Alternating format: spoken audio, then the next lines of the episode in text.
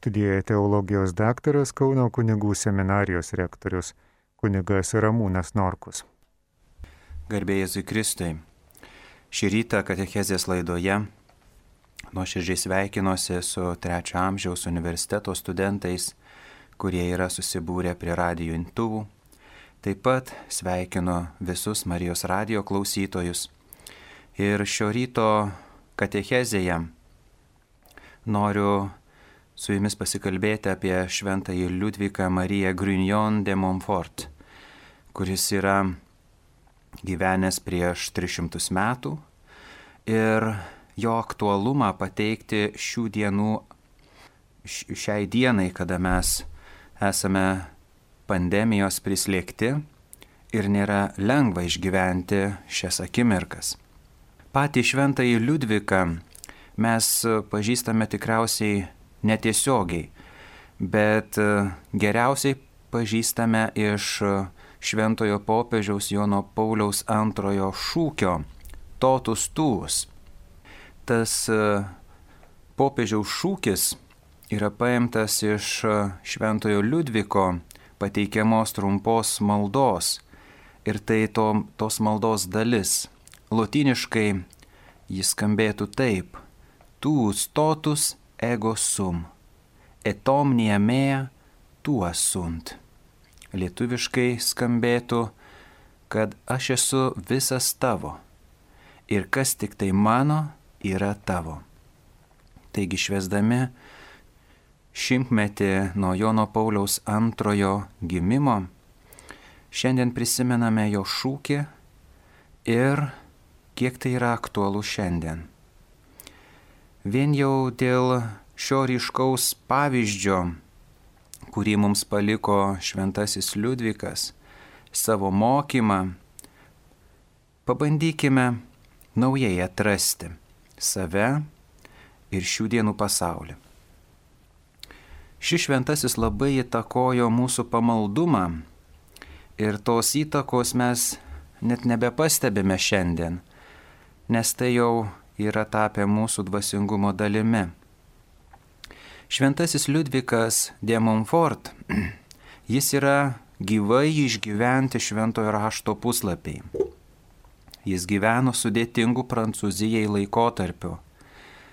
Tai revoliucinės nuotaikos, tada buvo iluminizmo amžius, racionalizmo laikai, protestantiškos šak, šakos gimimas, jensenizmo idėjos plito. Taigi, tais laikais katalikybė Prancūzijoje buvo tokioje krizėje, kad galėjai pamanyti, jog jau viskas. Atėjo katalikybei pabaiga.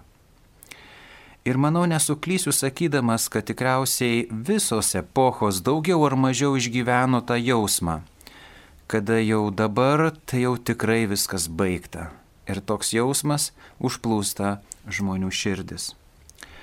Kalbu apie tai todėl, kad gali būti, jog ir iš klausytojų kažkas panašiai jaučiasi.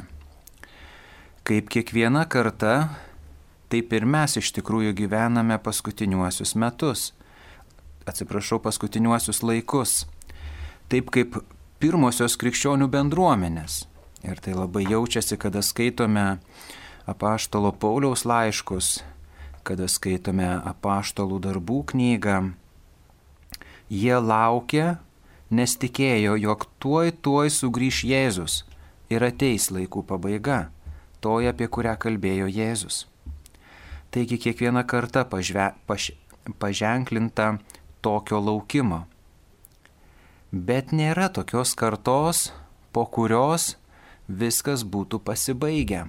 Šiai dienai neturime. Jėzus mus mokė, kad Visi mes gyvename paskutiniaisiais laikais.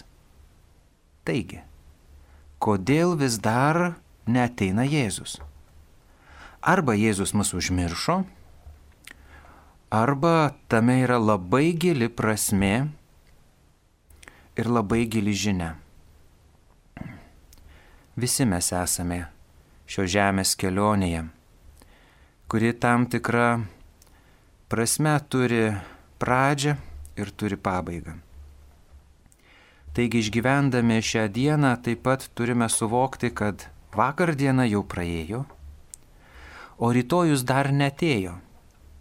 Ir visi žinome, kad bus taip, jo kažkuria diena tas mūsų minėtas rytojus ir nebeteis. Išeisime į susitikimą su viešpačiu. Turime kuo geriau išgyventi šią dieną. Tai sakau, nes mūsų dvasinis priešas labiausiai darbuojasi šią akimirką. Velnes visą savo galę naudoja, kad šiandien neturėtum laiko į Dievui. Tam naudoja du būdus. Arba mus uždaro praeities patyrimuose, praleidžiame daug laiko prisimindami tai, kas mums nutiko, kada mus įskaudino, kaip neteisingai pasielgė, kokie mes esame vieno ir kito momento aukos, nukentėjusieji arba ragina viską nukelti į rytojų. Vis rytoj ir rytoj. Rytoj sportuosiu, rytoj pasimelsiu, rytoj susitiksiu. Piktasis, išmuždamas mus iš esamo laiko, atima realią galimybę išgirsti ir priimti Dievo žodį. Čia šventasis Liudvikas de Mumfortas mus gali pamokinti. Vietoj to, kad verkšlentų dėl sunkaus laikmečio, arba vietoj to, kad lauktų, kol situacija pasikeis, šventasis Liudvikas ima veikti.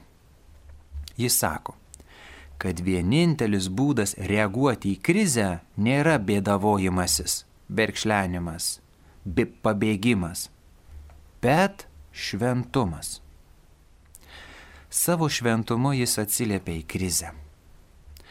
Aš ne, nežinau, kodėl mes šiomis dienomis išgyvename tokį laikotarpį ir nors mes labai pamaldžiai galvotume, jog Dievas mus išgelbės, kas būtų nieko neveikimo gundimas, šiandien Liudvikas mus mokintų į esamą situaciją atsiliepti šventumu. Šventumu šeimoje, darbe, ligoninėje, ten, kur jūs esate.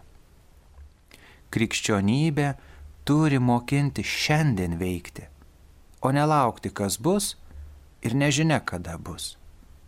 Šiandien. Pačios krikščionybės charakteristika yra nuolankumas. Ir e, šį žodį labai pamilsta Liudvikas. Bet jis kalba ne apie tą nuolankumą, kada mes vaikštom galvas nuleidę, save kritikuojam, nepriimam pagirimų, kad neišpuiktume. Ne. Nuolankumas yra tas, kuris sutampa su konkretumu. Visoje Evangelijoje pati nuolankiausia ir pati konkrečiausia moteris yra Marija. Pats žodis nuolankumas lotyniškai skambėtų humilitas. Tai yra žodis kylantis iš žodžio humus, kas reiškia ir pačią žemę. Taigi, nuolankumo prasme yra neskrajoti, o kojomis liesti žemę.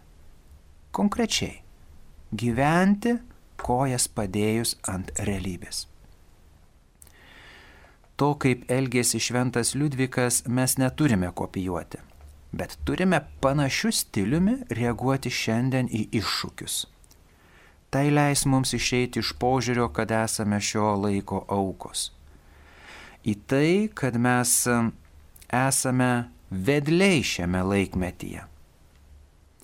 Mes atsiliepiame nuolankumu ir šventumu. Krikščionybė atnešė žinę, kad tai, ką iki šiol į save sugėriai kentėdamas, nuo dabar gali pakelti galvą ir į viską pažvelgti vilties pilnomis akimis. Su Jėzaus teikiama gale. Nes ir tada, kai aplinkybės išlieka tokios pačios, mes einame su Jėzumi, nors niekas ir nesikeičia. Atrodo. Tai ir yra krikščionybės didysis stebuklas. Kreipiamės pagalbos į šventuosius ir gerai darome, bet stebuklas yra labai konkretus. Dievo stebuklas turi vardą. Ir tas vardas yra mūsų vardas. Tai mes. Jeigu mes nesijimame sprendimų, tai visa tai, ko laukiame iš dangaus, pradeda įgauti magijos skonį. Taigi Jėzus prašo mus įsitraukti asmeniškai, įsipareigoti, rizikuoti, na daryti bent kažką. Na duosiu tokį kasdienį pavyzdį. Įeiname į netvarkingą patalpą. Iš karto pasijaučiame diskomfortiškai. Ir nuolankus žmogus nestovės ir nelauks, kol kažkas gal ateis ir sutvarkys jį ir netgi negalvos, kas jį taip suvertė ir apleido, kad galėtų apkaltinti. Nuolankus žmogus su tuo nesitaiksto ir ima veikti. Visų pirma, atidaro langus, išleidžia laukan blogą kvapą ir pradeda nuo kurio nors kampo. Taigi, krikščionybė moko, kad nereikia laukti, jog problema kažkaip išsispręs. Bet kiekvienas turime imti ir pradėti nuo kažkokio kampelio, nuo kažkokio nedidelio ir gal net kitam atrodytų nereikšmingos, mažo sprendimo. Demonfort miršta mano metų, na turėdamas truputį virš 40. Jis savo gyvenime buvo puikus misionierius. Bet, būdamas Puikus misionierius jis patyrė daugybę problemų ir bažnyčioje, ir už jos ribų. Ir mums tikriausiai nepavyksta imti ir iškart pasikeisti arba pakeisti. Arba atsisakyti tų praeities aukos jausmų. Jis mus moko pradėti nuo šiandien apsisprendimo. Ir tik tada pavyks po truputį išnirti iš problemų nepavergti savęs praeities vandenims, bet pradėti plaukti ir neleisti savo skęsti. Nu, pradėk bent judinti kojas, rankas ir žiūrėk, gal kūnas jau kyla į vandens paviršių. Demonfort įvardina du iššūkius Tada, kada mes gyvename ateistinėje visuomenėje, kur sakoma, kad žmogus turi inteligenciją, protą, geba protauti, gali pats išsigelbėti, jam nieko nereikia. Viskas yra iliuzijos. O aš su savo galva galiu viską. Jaučiuosi kaip visagalis. Ir pavojingiausia yra tada, kada pradedi matyti, kad tavo stiprybė yra absoliuti ir nereikia kitų pagalbos. Esu stiprus, nes esu sveikas. Esu turtingas, įtakingas, įžimu, užimu didelės pareigas. Tad kieno man pagalbos reikia? Aš pats. Taip ir tai veikia ilgus metus mūsų gyvenime. Neša gal sėkmę, tol, kol gyvenimo realybė vieną dieną nepasibeldžia į mūsų duris. Ji pasibeldžia ir kas tada? Kur tavo stiprioji sveikata? Kur tavo turtai? Kur šiandien tavo pareigos, kuriomis aną dieną didžiavaisi? Ir kas dabar? Čia ir yra pats didžiausias racionalizmo pavojus. Žinoma, ne vienas žmogus apie save taip nemasto. Bet žvelgdami į jų gyvenimą, matosi, jog jie gyvena taip, jog niekada nereikės duoti jokios apyskaitos, jog visada atrodo bus jie jauni. Net yra perteikiama, kad tikėjimas yra tam tikras silpnumas, o tu turi jausti stiprus nes viską gali su tuo, ką tu turi. Tai ir yra pirmoji kova. čia reikia kalbėti su tokiu žmogumi, kuris sako, kad jam nieko nereikia. Nes vieną dieną jis suvoks, kad suklydo. Ir kuo greičiau jis atras tiesą, tuo mažiau klaidų, tuo mažiau skausmo.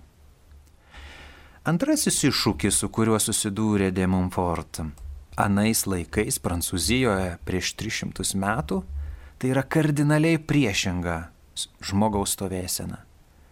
Tai jensenizmo teologija, kuri mokė, kad visi esame sužeisti gimtosios nuodėmės. Taigi, jeigu Dievas panorės, jis mus išgelbės.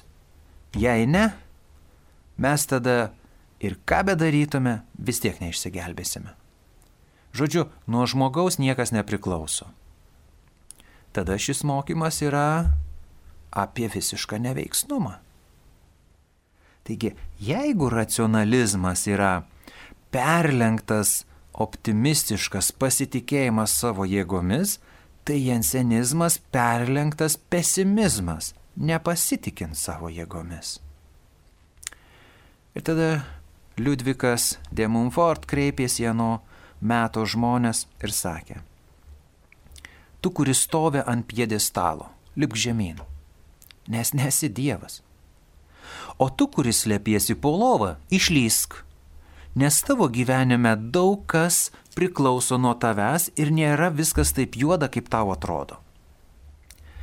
Jis kalbėjo apie Dievo malonę bei mūsų laisvą valią, kurie visada turi eiti vienas šalia kito. Dievo malonė reiškia, kad mes gyvenime galime padaryti daugybę dalykų, bet patys savęs neišganysime. Kalbant apie laisvą valią, reiškia tai, kad Dievas nori tave išganyti. Bet jeigu su savo laisva valia nepasakysi jam taip, netgi Dievas nus sustoja prieš tavą jį ne. Vakar viešpaties angelo maldoje tą patį kartoja ir mūsų popiežius Pranciškus. Jis kalbėjo, kad mes turime jėgos ir pasiryžimo savo širdyje nuodėmiai sakyti ne. Ir taip pat turime pasitikėti Dievo malonę. Štai vėl ta pati laisva valia ir Dievo malonė. Na, pateiksiu paprastą tokį gyvenimišką pavyzdį. Sakykime, kad mūsų gyvenimas kaip yra įkristi į vandenį nemokant plaukti. Tu pradedi skęsti. Kažkas nuo kranto mato, jog šaukiesi pagalbos. Na, jis meta tau gelbėjimosi ratą. Duoda galimybę išsigelbėti. Ir čia, brangieji, mes galime sumesti viso pasaulio gelbėjimo ratus. Ir jeigu į juos nesikimbi, visas vargas veltui. Žmogus vis tiek skęsta. Taigi Dievo malonė duoda galimybę įsikipti. Bet tam, kad įsikiptum, reikia tavo laisvo apsisprendimo. Tai štai didysis šventojo Liudviko nuopelnas yra tas, kad sujungia tuos du išsiskyrusius mąstymus Tokio gyvenimo pavyzdys yra Marija, kuri parodo, ką reiškia būti kūriniais ir tuo pačiu laisvai pasakyti taip. Čia šventasis nenori statyti e, klausytojų ant e, kokio nors emocinio pagrindo bet savo laikmečio žmonėms nori parodyti, kad egzistuoja galimybė konkrečiai išgyventi iššūkius, kurie kasdieną mus pasitinka. Lygiai taip pasielgė ir Marija. Ir labai prašau, nemanykite, kad pamaldumas į mergelę Mariją yra kaip koks nors mus saugantis amuletas. Ne, Marija yra pavyzdys, kaip kiekvienas iš savo širdies galime išskleisti tas galimybės, kurios yra kažkur užgneuštos mumise.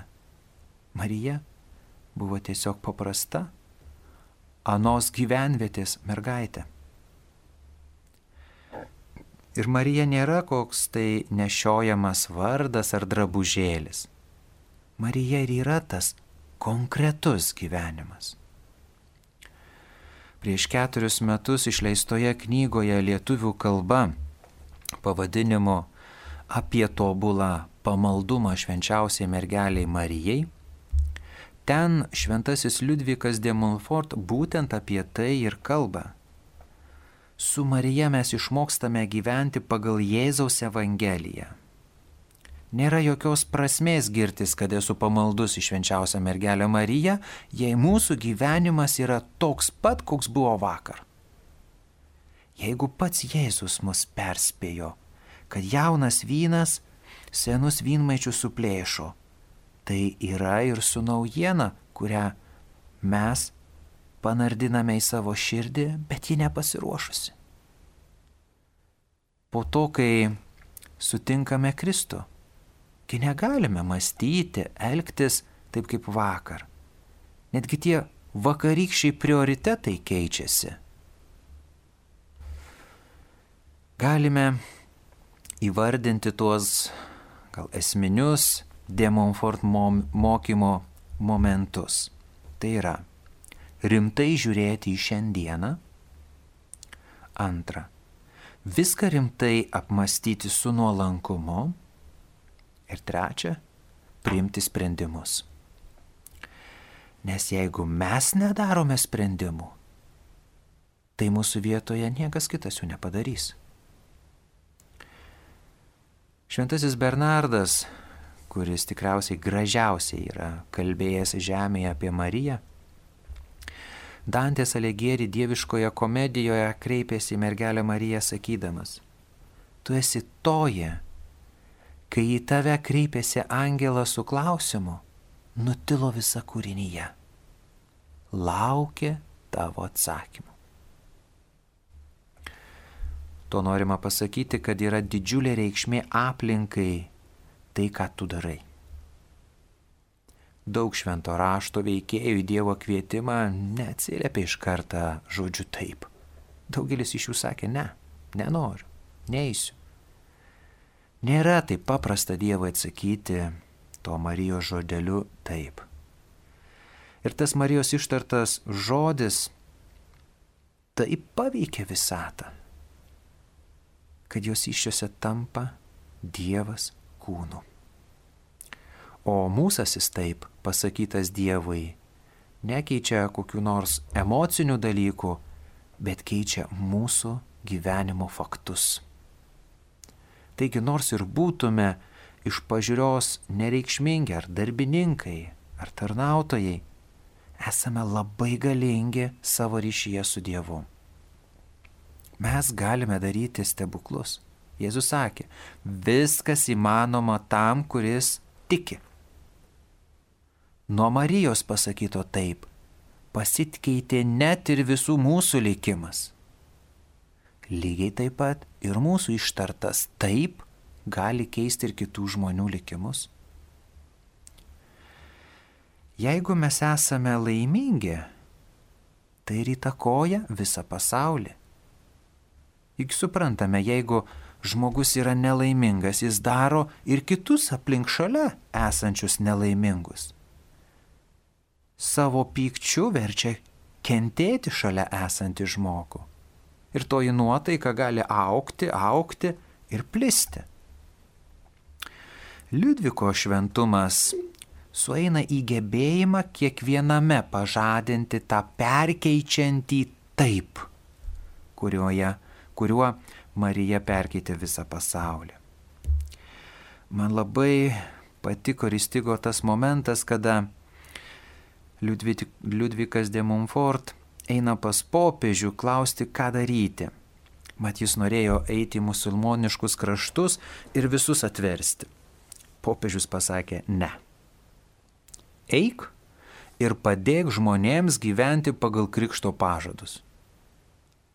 O tai reiškia, žmogui reikia priminti, kad jis yra Dievo vaikas. Ne koks samdinys, bet Mes visi esame Dievo, kuris yra karalius. Mes esame karaliaus vaikai.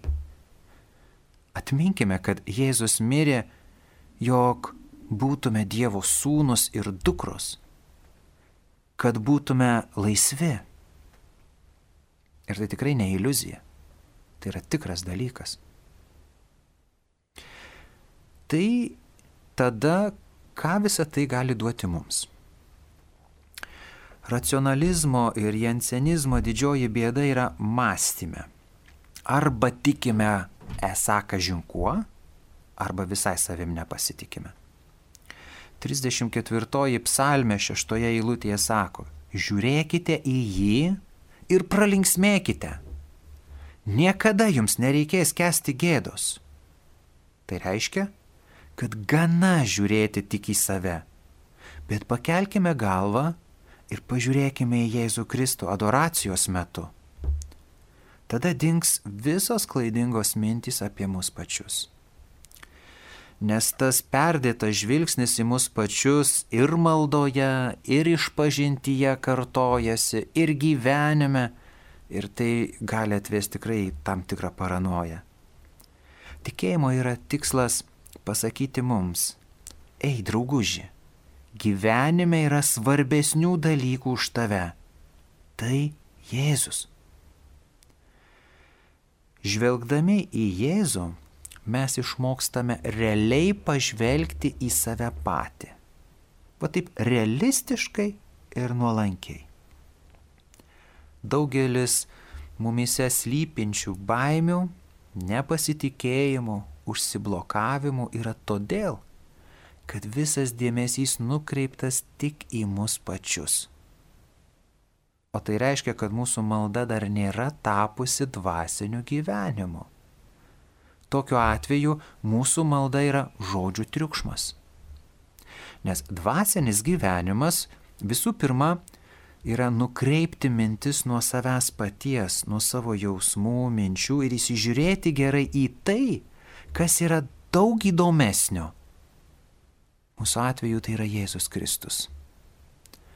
Tai reiškia, kad kai išmoksti žvelgti į Jėzų, išmoksti žvelgti į Jėzaus žvilgsniu, save pamatai visiškai kitoje šviesoje. Va tokie žmonės yra jau vadinami atsivertusiais. Štai evangelistas Jonas šeštame skyriuje nuo pirmos eilutės pasakoja apie duonos padauginimo stebuklą. Jisai toks svarbus, kad yra perpasakojamas ne vieną kartą. Tai įvykis, kada Jėzus kalba dideliai miniai žmonių ir tam tikrų metų pasisuka į pilypą ir užklausia. Čia labai įdomu pamastyti ir apie tai, kad Jėzus užklausia. Mes dažnai galvojam, kad Jėzus turi duoti atsakymus, bet jis užklausia ir dažnai pačių nepatogiausių klausimų. Jėzus gali paklausti šiandien, ar esi laimingas? Išversiu į evangelinę kalbą. Kai apaštalai išplaukė žvejoti, visą naktį žvejojo nieko nepagavo, grįžta į, ka, į krantą, Jėzus į juos kreipėsi. Vaikeliai, ar neturite ko valgyti? Yra sunku pripažinti, kad nu neturi kad esi tuščias ir valtyje, ir vidumi tuščias. Ir čia man patinka labai, kad Jėzus tai daro.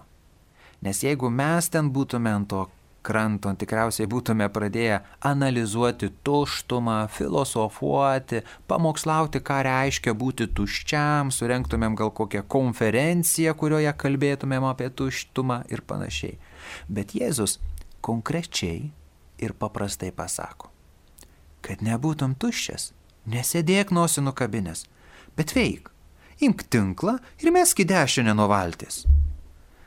Ir jie paklausė Jėzaus taip užpildė tuštumą, kad negalėjo savo jėgomis nieko net padaryti. Jie pasikviečia kitus. Štai evangelizavimo didžiausias laimėjimas.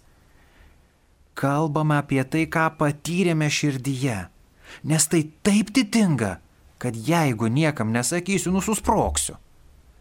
Ir čia nekalbame apie tą evangelizavimą, kur turime eiti kažkur kažką atlikti, nu tarsi privalom. Ne, čia aš noriu kalbėti apie tą, kai turi širdyje tai, ką atsikėlęs ryte, nu, nesitveri ir nori su tuo pasidalinti, kažkam papasakoti.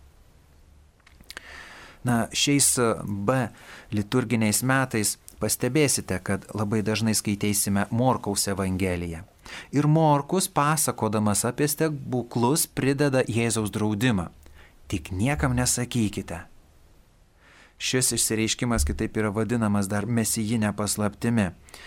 Ir visi, kurie pasveiko, nu neklauso Jėzaus. Jie tiesiog nepajėgė klausyti Jėzaus draudimų. Nes tas, kas juose nutiko, tas džiaugsmas tiesiog netelpa širdyje. Taigi evangelizacija čia ir gimsta, va toje frazėje. Aš, jeigu nepapasakosiu, sproksiu. Kodėl šis minėtas Jono šeštas skyrius apie duonos padauginimą mums yra svarbus? Jėzus, kada pažvelgė į Pilypą ir paklausė, kaip pamaitinsime šitą minę, Čia Jėzus nori, kad Pilypas pajaustų savo ribas. Nu neįmanoma pamaitinti tiek žmonių už 200 denarų. Pilypas pinigų turi Jėzų ir mokiniams. Ir visi jie pavalgo puikiai. Ir jisai jaučiasi tiesiog saugus. Bet Jėzus užduoda klausimą, kuris Pilypą sunepatogina. Ir Pilypas pajunta silpnumą, bejėgiškumą ir nežino, ką daryti. Tai nėra blogai, nes jeigu mes nejaustume savo ribų, tai jau būtų tikrai pavojinga. Tada Jėzus, žinodamas, kad Pilypas neturi pakankamai pinigų pamaitinti šitos minios, pasikviečia vaiką, kuris turi dar mažiau. Turi kelis duonus kepaliukus ir kelias žuvis. Tai niekas prieš tokią minę.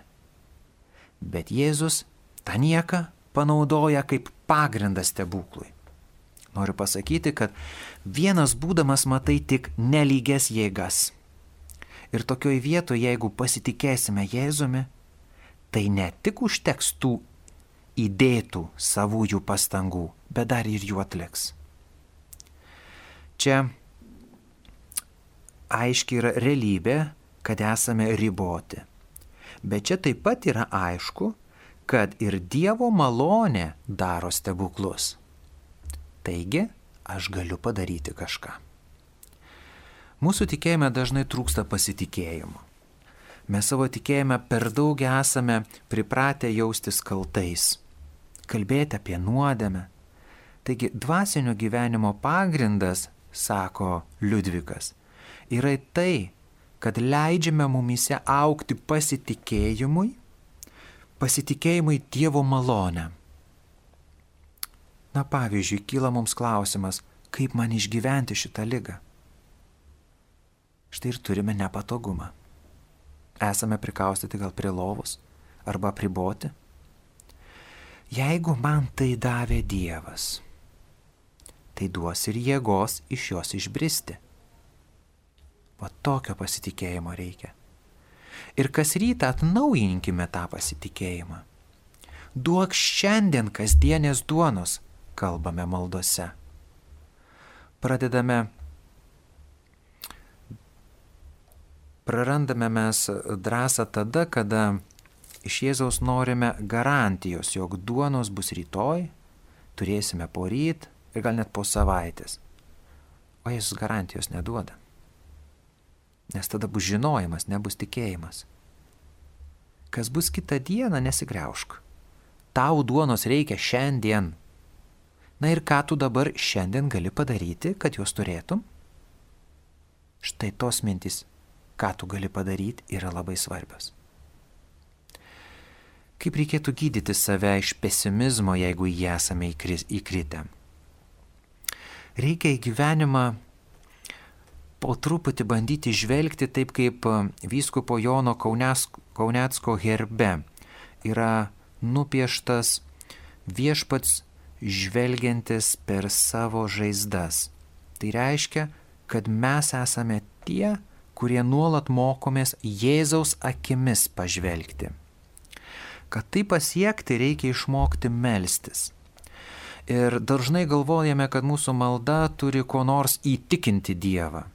Kai melžiamės ir prašome išgyjimo artimam žmogui, Dievo troškimas dažnai būna negydyti sergantį, bet tą, kuris meldžiasi, kad į lygą pažvelgtų Dievo akimis. Per maldą dažnai reikia pagalbos tam, kuris prašo, o ne tam, kuriam mes prašome Dievo malonės. Maldos tiklas, tikslas ne kažkaip įtakoti Dievą, nes tai jau būtų pagoniškas mąstymas. Maldos tikslas yra gilesnis santykis tarp besimeldžiančio ir to, kuris klausosi, tai yra Dievo. Kai melžiuosi, turiu tai daryti su nuolankumu, tai reiškia matyti savo ribas ir matyti savo galimybės taip, kaip jas mato Kristus. O pasaulis šioje vietoje atkakliai mus moko, kad mes esame tie, kurie viską galime kontroliuoti. Bet nepavyksta kontroliuoti. Tėveliai nebekontroliuoja net paprasčiausiai kas rytą vaiko išleidę į mokyklą. Todėl čia malda padeda, nes jos pagalba pamatome, jog mes nesame vieni. Malda turi keisti mus. Todėl šventas Aloizas Liguori sakydavo, kas meldžiasi, tas išsigelbėja, nes keičiasi. Jei maldą atsumsime į šalį, patys pamatysime, į kokį rūką paskesime. Rūke, nors ir yra kitų žmonių, bet mes jų nematome. Todėl jauties vienišas ir nebepasitikė savo jėgomis. Nėra kas tau pagelbėja, kas padrasina. Štai Liudvikas kelia klausimą. Dievų naudojamės ar Dievą mylime? Kai juo naudojamės, tiesiog nei nepajuntame, kaip iš jo trokštame saugumo. Meldžiuosi, kad jausčiausi gerai, kad išsispręstų problema. Tokiu atveju labai egoistiškai norime pasinaudoti Dievu.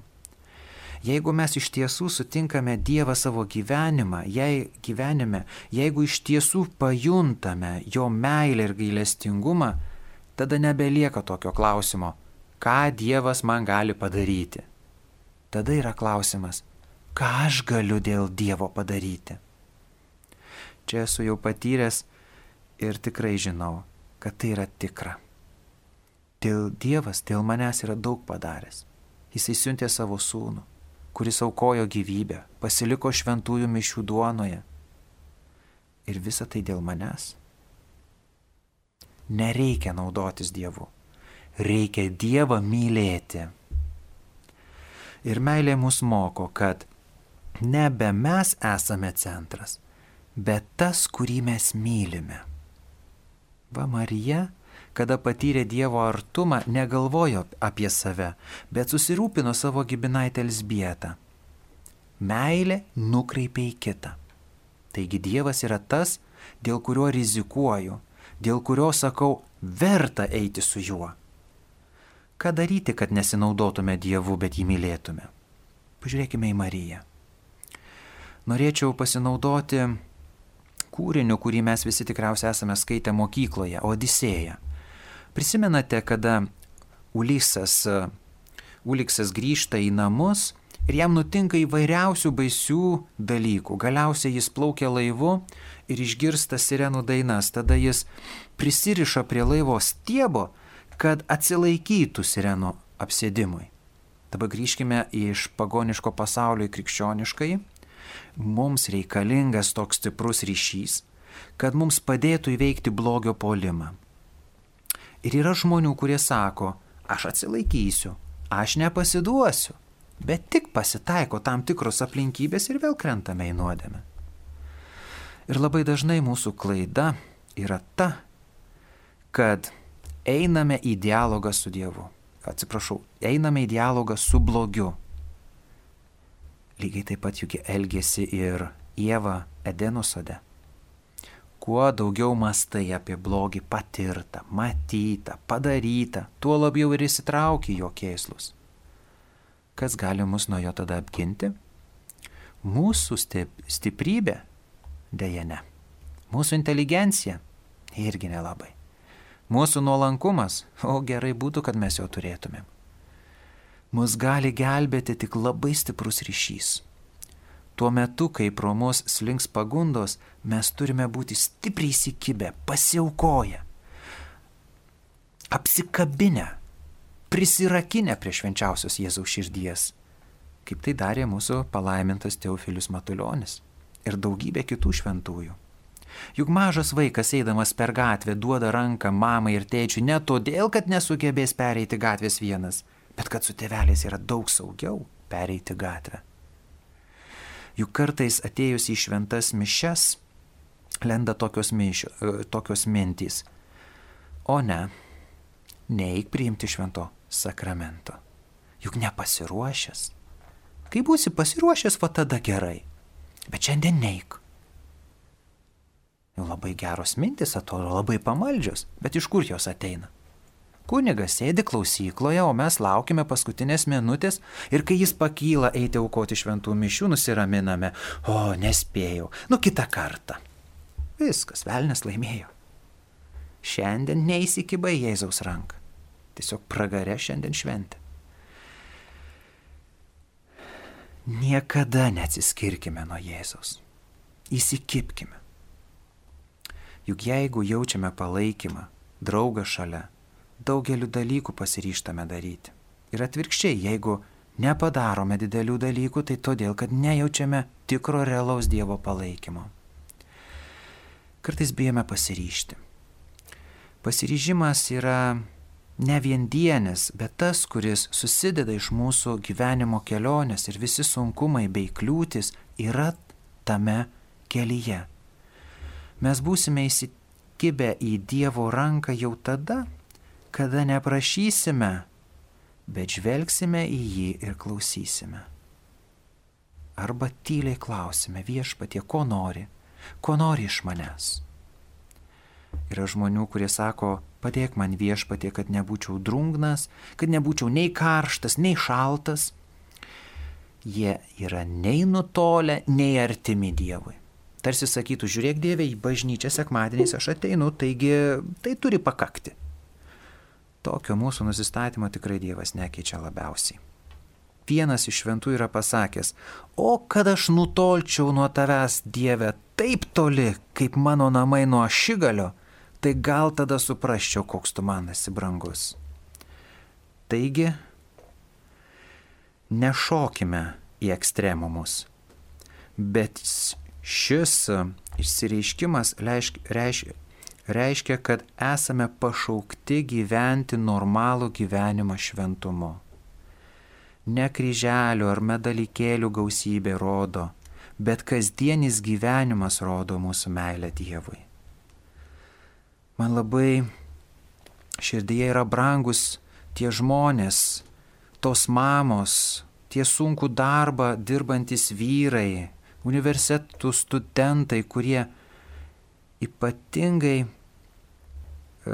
atsiduoda Dievui ir nepatingi net anksčiau atsikelti ir dieną pradeda ankstyvosiomis šventomis mišiomis.